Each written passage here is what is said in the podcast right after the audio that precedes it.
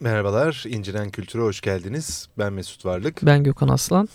E, iki haftadır devam ettiğimiz üzere Bülent hocamızla, Bülent Somay ile e, sohbetimize devam ediyoruz. E, Berlin Konferansı 2010, e, Alain Badiou ve Slavoj Žižek'in e, organize ettikleri ve kitabını hazırladıkları Komünizm Fikri kitabı ve konferansı üzerinden komünizm propagandası yapıyoruz düpedüz.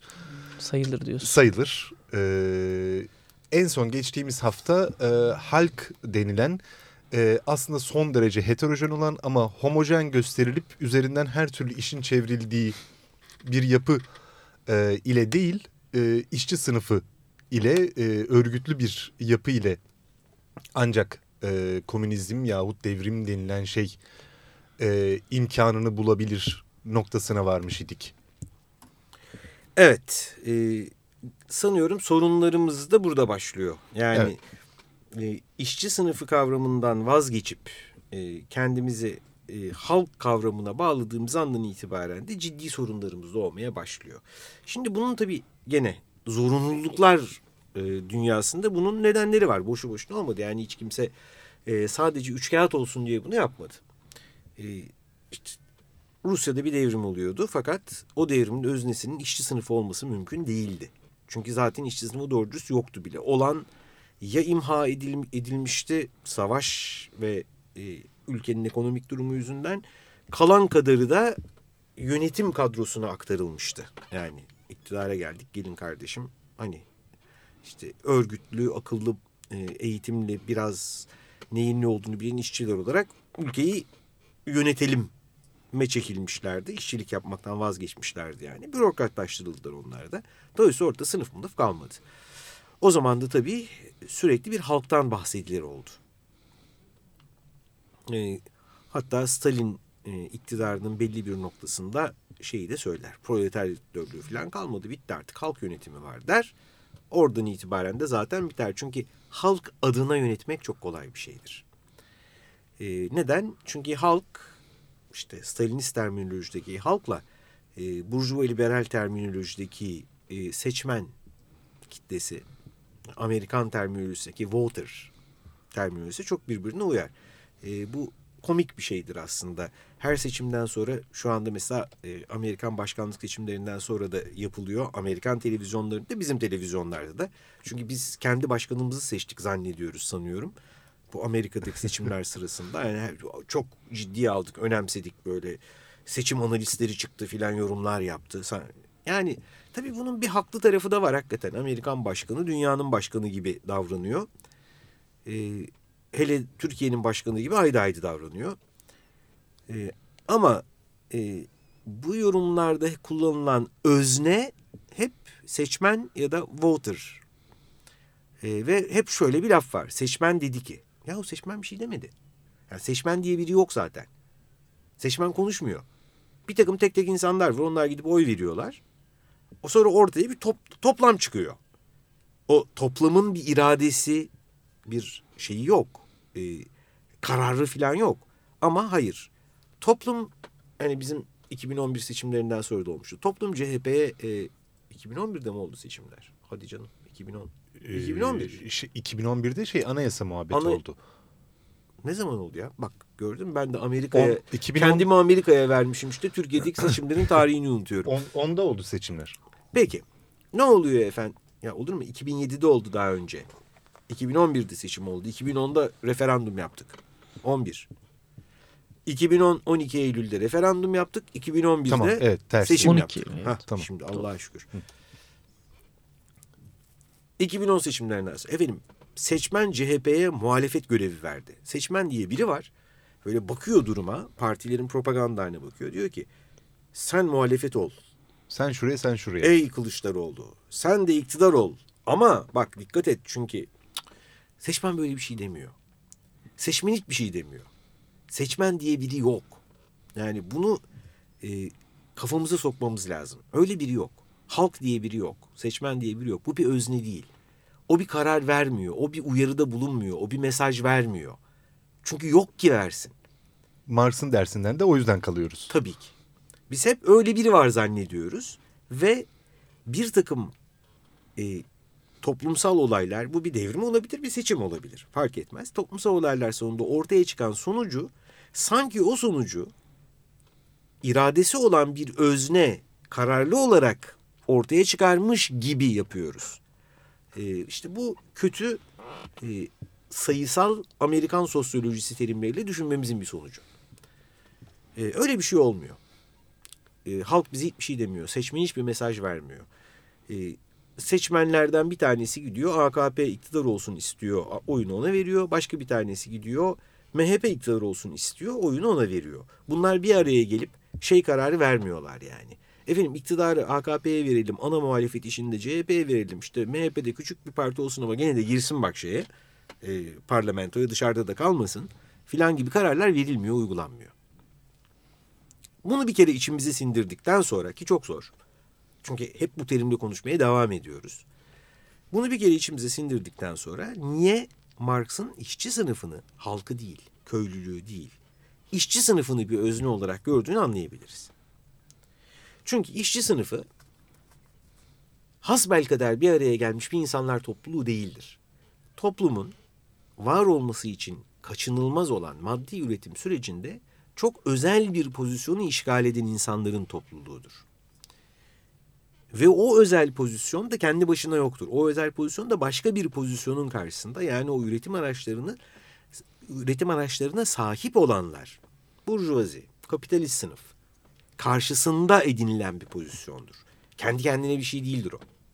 Zıddıyla birlikte vardır. Belki de diyalektik burada işte. Diyalektik düşüncenin e, yeri var. Dolayısıyla işçi sınıfı bir devrim yapacağı zaman yani işlemekte olan kapitalist yapı ile, ile artık var olamadığı o yapı artık işlemez hale geldiğinde bir devrim yapacağı zaman önce karşısındaki egemen pozisyondaki sınıfı ortadan kaldırır ama gene yanlış anlamaları ortadan kaldırmak için bu o sınıfın üyelerini tek tek öldürür ve imha eder anlamına gelmiyor. Pozisyonu ortadan kaldırır. O pozisyonu ortadan kaldırır. Yani üretim araçlarının sahibi olan küçücük bir azınlık pozisyonunu siler. O insanları öldürmesine gerek yok. Yani illa her devrim e, bir e, insan grubunu öldürmek anlamına gelmez. Birilerinden intikam almıyoruz. Ayrıca bizim derdimiz kapitalistlerle ya da burjuvalarla değil, kapitalizmle ve burjuvaziyle, pozisyonun kendisiyle bir sorunumuz var. Burjuvaların arasında iyi insanlar da vardır belki. Nereden bileyim? Yani çok tanıdığım burjuva yok. Az sayıda var. Ee, bunların içinde iyi insanlar da var. Onları öldürmemiz gerekmiyor. Onları kötülük etmemiz bile gerekmiyor. Onları edebileceğimiz en büyük kötülük. Arkadaşlar ya yarından itibaren siz de çalışacaksınız ekmeğinizi kazanmak için demektir. Yani hani şey bitti. Keyif zamanı bitti. Hadi bakalım yani pamuk eller cebe, eller taşın altına. Dediğiniz zaman zaten yeteri kadar kötülük etmiş oluyorsunuz onlara. Daha fazla kötülüğe gerek yok. Hatta belki bu öldürmekten daha büyük bir kötülük. Yani evet. ölür kurtulur. Ötekinde bütün bir hayatını, hayatının geri kalan kısmını yaşayabilmek için çalışarak geçirmek gibi kendisine küçükken söz konusu bile e, edilmeyecek bir şeye mahkum edilmiş olur. O pozisyon ortadan kalktığı zaman yalnız Marx'ın bize söylediği budur. İşçi sınıfı pozisyonu da ortadan kalkar. İşçi sınıfı sadece zıddıyla var olabilen bir sınıf olduğu için manifestoda Marx'ın ve Engels'in bize söyledikleri şudur. İşçi sınıfı tarihteki tek sınıftır ki rakibi olan sınıfı ortadan kaldırırken kendini de ortadan kaldırır. Başka bir sınıf yok böyle. Hiçbir tarihsel devrim anında yeni gelmekte olan sınıf kendisini de imha etmemiştir. Bir sınıf ortadan kaldırmıştır, onun yerine iktidara gelmiştir. Burjuvazi böyle yaptı. Aristokrasiyi öldürdü mü bütün aristokratları? Hele İngiltere'de mesela hayır. Hala yaşıyor aristokratlar. Perişan bir halde. Faydasız bir halde. Kendilerini bir anlam bulamadan. Yaşıyorlar, hala ordular.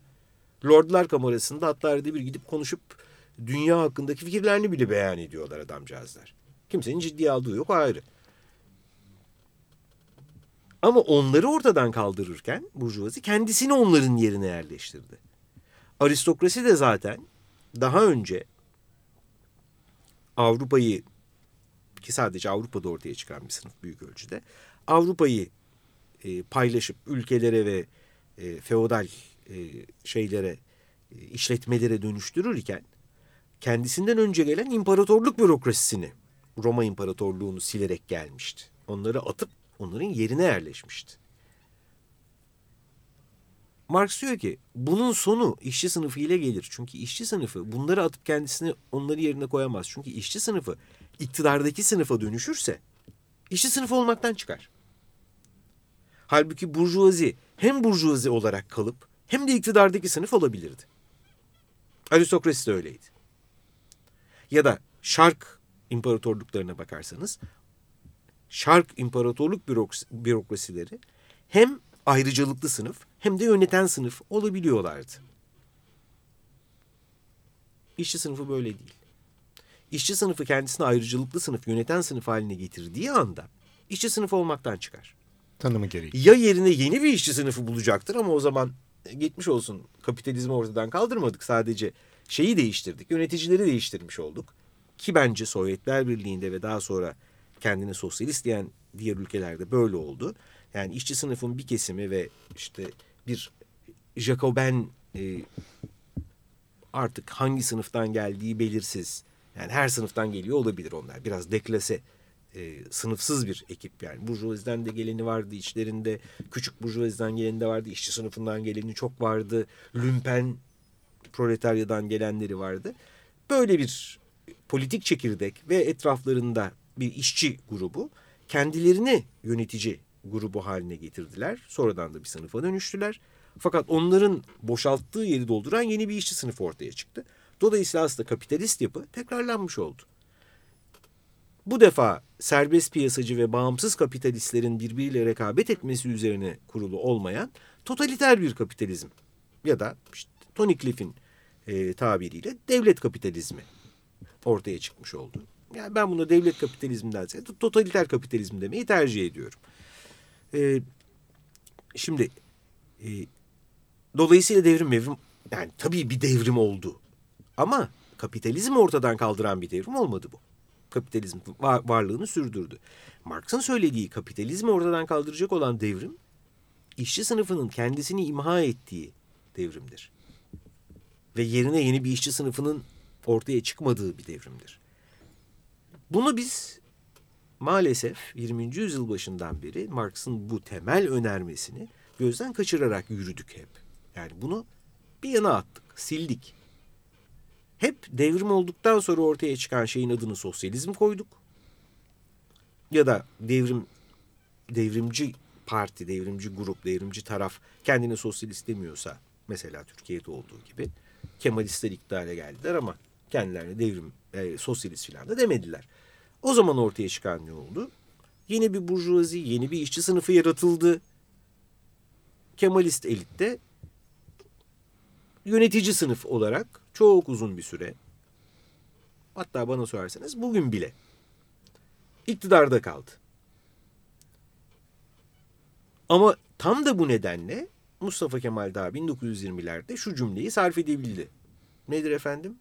imtiyazsız sınıfsız kaynaşmış bir kütleyiz. Yani şeyi bile var. Aruzu bile var değil mi?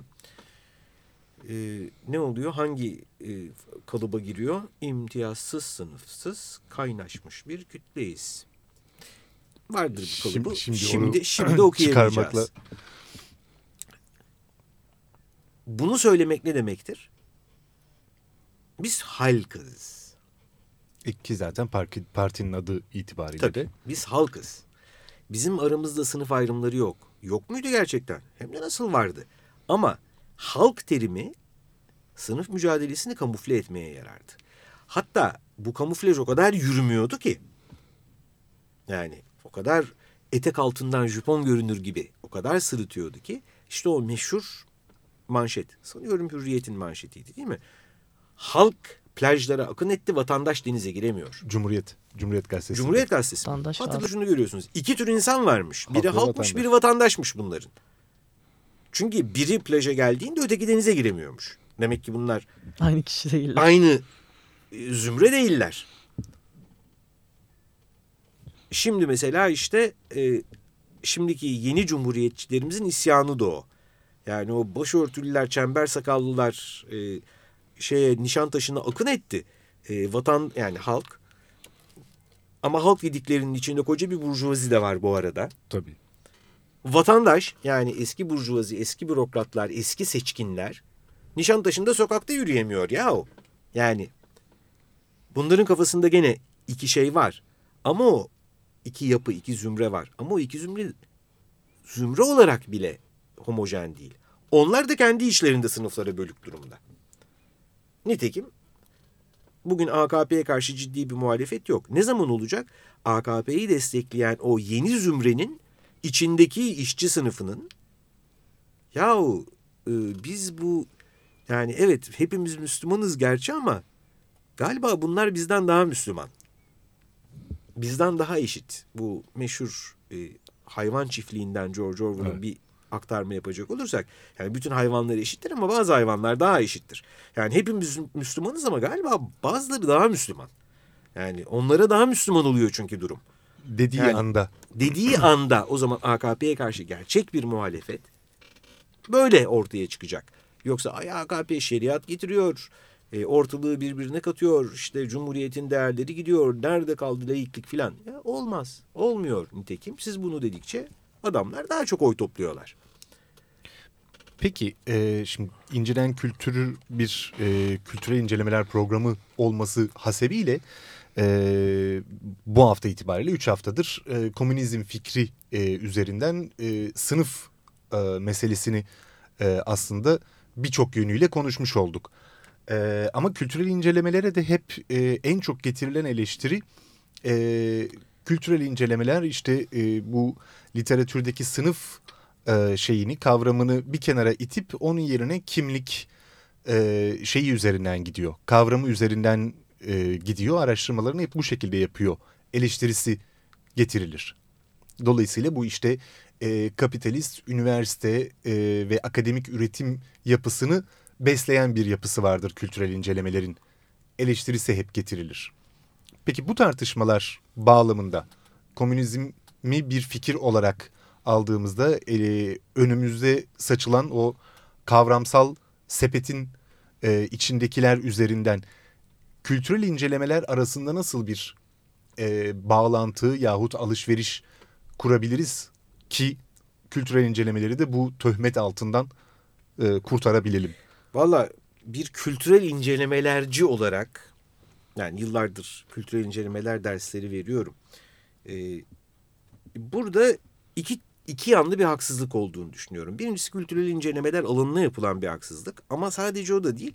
Kültürel, kültürel incelemeler alanının önemli bir kısmını da kendi kendine yaptığı bir haksızlık. Yani bu sadece dışarıdan yapılan bir haksızlık değil. Kültürel incelemeler ortaya çıktığında 1980'lerde işte Stuart Hall, diyelim hani kurucu baba.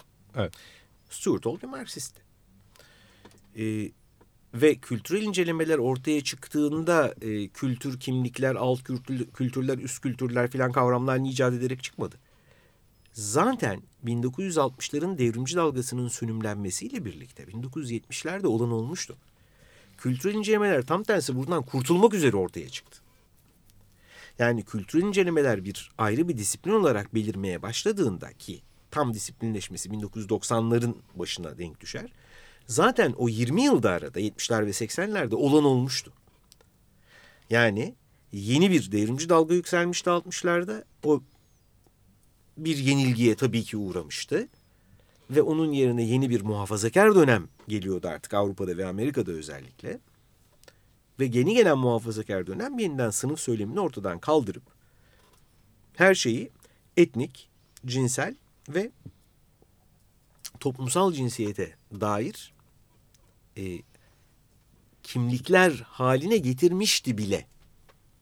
Kültürel incelemelerin yapmaya çalıştığı şey başlangıcında tam da bu yeni ortaya çıkan tartışma, yani postmodernist diyelim istersen buna. Kültürel incelemelerde postmodernizmle eş zamanlı ortaya çıkıyor ama e, postmodernist bir disiplin olması şart değil. Yani Allah'ın emri değil bu. Ama postmodernizmle ortaya çıkan bu tür e, bakışlarla bir şekilde mücadele etmeye de çalıştı. Yani et, etniğin içindeki sınıfsalı, cinselin içindeki sınıfsalı, toplumsal cinsiyetin içindeki sınıfsalı göstermeye az çalışmadı. Kültürel inceleme alanında bir sürü insan. E, bunun en kıymetlisi belki de işte Spivak'ın e, kullandığı subaltern, mağdun kavramıdır. E, şimdi mağdun deyince aklımıza hep işte şey geliyor. Türk-Kürt e, şeyinde Kürt mağdun. İşte erkek kadında kadın mağdun. İşte eşcinsel heteroseksüel ikilisinde eşcinsel mağdun. Halbuki artık şunu görebiliyoruz ki e, eşcinsel mağdun olmak zorunda değil. Eşcinsel işte artık aile kurma, evlenme hakkını da çatır çatır almaya başladı. E, ve eşcinsel şunu söylüyor. Ya ben de normal olabilirim. Ben de hakim sınıf saflarında yer alabilirim. İşte şu anda Amerika'da e, ilk açıkça yani kendini gizlemeyen lezbiyen senatoya girdi. E, hakim e, ve şu anda iktidardaki İYİ Parti'nin bir üyesi olarak. Dolayısıyla e, artık e, subalternım, mağdunum, eşcinselim, ezilenim öyle bir şey kalmıyor giderek. E, ve bunun kalmayacağını biz 1945 ile 65 arasındaki 20 yılda çok açık görmüştük. Farkına varamamıştık. Yani bin, İkinci Dünya Savaşı'nın en korkunç mağdunları Yahudilerdi. Yani milyonlarla öldürüldüler, işkence gördüler, sabun yapıldılar, insandan sayılmadılar, birer numaraya dönüştürüldüler, bedenleri yok edildi. Yani hem öldürülme yoluyla hem de kavramsal olarak yok edildi. Bundan daha mağdun bir pozisyon olabilir mi? Tabii ki mağdundular. 1965'e gelindiğinde değil mi? Yok oldu o mağduniyet. Tam tersine yeni bir mağdun, Filistinli mağdunun üzerinde egemenler olarak büyük bir keyifle hüküm sürmeye başladılar. Aynı Yahudiler. Daha çünkü 1939-45 mağdunları 65'e kadar henüz tamamen yok olmamıştı. Onların çocukları. Dolayısıyla mağdun kavramının içindeki sınıfı gö gördüğümüz zaman kültürel incelemelerdeki bu yeni yol anlamlı olacak. Ama tarihine bakarsak kavramı görebiliriz. Spivak kimden alır kullanır mağdunu? Gramsci'den. Antonio Gramsci ki bir komünisttir kendisi. Antonio Gramsci ne zaman kullandı mağdun kavramını? Hapishaneden yazdığı defterlerde proletarya kelimesini çünkü faşistlerin hapishanesinde tutsak adam proletarya kelimesini kullanamadığı için pro, Ezop diliyle proletarya demek için kullanmıştı zaten. Dolayısıyla biz mağdun, mağdun çalışmaları diye bir alan da var bu arada kültürel incelemelerden ayrılmakta olan. Mağdun kavramını kullanırken aslında mağdun kavramının tarihine bakarsak bize o kavramın ne söylemeye çalıştığını görürüz. Gene sınıfsal olana dönmektir önemli olan. Çünkü yani komünizm düşüncesini tartışıyoruz. Komünizm düşüncesi aslında bir tek şeydir. Yani binlerce şeydir aynı zamanda ama esas olarak bir tek şeydir. O da tarihin dinamiğinin, dinamosunun sınıf mücadelesi olduğunu görmek. Bunu görüyorsanız, bunu kabul ediyorsanız siz komünistsinizdir. Bunu çeşitli bahanelerle evet öyledir ama şey de vardır bilmem ne vardır halk vardır ezilen uluslar vardır biz ezilen uluslar da aslında dünyanın proletaryası sayılırdı vıdırdı dıdırdı filan gibi şeylerle bunun üstünü örtmeye çalışırsanız ulusal kurtuluşçuluğu sınıf mücadelesinin önüne cinsel kurtuluşçuluğu sınıf mücadelesinin önüne geçirmeye çalışırsanız komünist filan değilsiniz. Anarşist bile olamazsınız. Aslında bir önceki muhabbette söylediğimiz pozisyonlar duruyor sadece yer değiştiriyor. Değiştiriyor. Çünkü evet 1960'larda e, eşcinseller aşağılanırdı, dayak yerlerdi. 68'de yeter ulan dediler Stonewall'da polislere sopayı attılar. Mağdundular. Sonra aradan geçen yıllarda adım adım bir takım haklarını kazandılar. Kazandılar sonra kazandıkları hakları giderek ayrıcalıklara dönüştürmeye başladılar. Artık onlar da kapitalist toplum ve burjuvazinin onlara sunduğu ayrıcalıklardan yararlanabilir oldular. Bu noktada eşcinsellik mağduniyettir demek özellikle merkez kapitalist ülkeler için çok anlamsız bir şeydir. Ha İran'da hala bir tür mağduniyettir. Dolayısıyla görüyorsunuz her şey zamanına ve yerine göre değişiyor. Zamanı ve yere tabi olarak değişiyor. Ama işçi sınıfından bahsediyorsak işçi sınıfı işçi sınıfıdır. Yani üretim araçlarında mülkiyet hakkı olmayan fakat o üretim araçları üzerinde çalışıp kendi emeğini satan, sattığı emekle yaşayan, başka hiçbir şeye sahip olmayan insanlar. Bunlar 18. yüzyıldan beri varlar. Hala varlar. Merkez kapitalist ülkelerde bir takım haklara kavuştukları için var olduklarını bazen unuttukları da oluyor. Ama ilk kriz gelip sarsaladığında Amerika'daki e, mortgage krizi bile bunu bize gösterdi. İlk dayağı yiyen onlar oluyor. İşlerini kaybeden, aç kalan, sefil olan onlar oluyor. Ve her zaman kendi sınıflarının o sınıf olmanın bilgisi ve bilinciyle davrandıkları zaman ancak var olacakları kafalarına bir kez daha dayak atılarak gösteriliyor. Belki de bizim bu çağda takdir etmemiz gereken tek zorunluluk da bu. Yani Hegel'i tekrarlamış Evet. oldum. Eyvallah. Yani e, süremizin Güzel bitirdik sonuna geldik ama, e, bitirerek. güzel bir noktayla tamamlamış olduk. E, hocam 3 haftadır e, katıldığınız için çok çok teşekkür ederiz size. Ben teşekkür ediyorum arkadaşlar. E, efendim 3 haftadır e, Berlin Konferansı 2010 e, Alain Badiou ve Slavoj Žižek'in e, organize ettikleri ve kitabını hazırladıkları Komünizm Fikri e, kitabı çerçevesinde Bülent Soma ile sohbet etmiş olduk. E, önümüzdeki hafta yeniden görüşmek üzere. Ben Mesut Varlık. Ben Gökhan Aslan.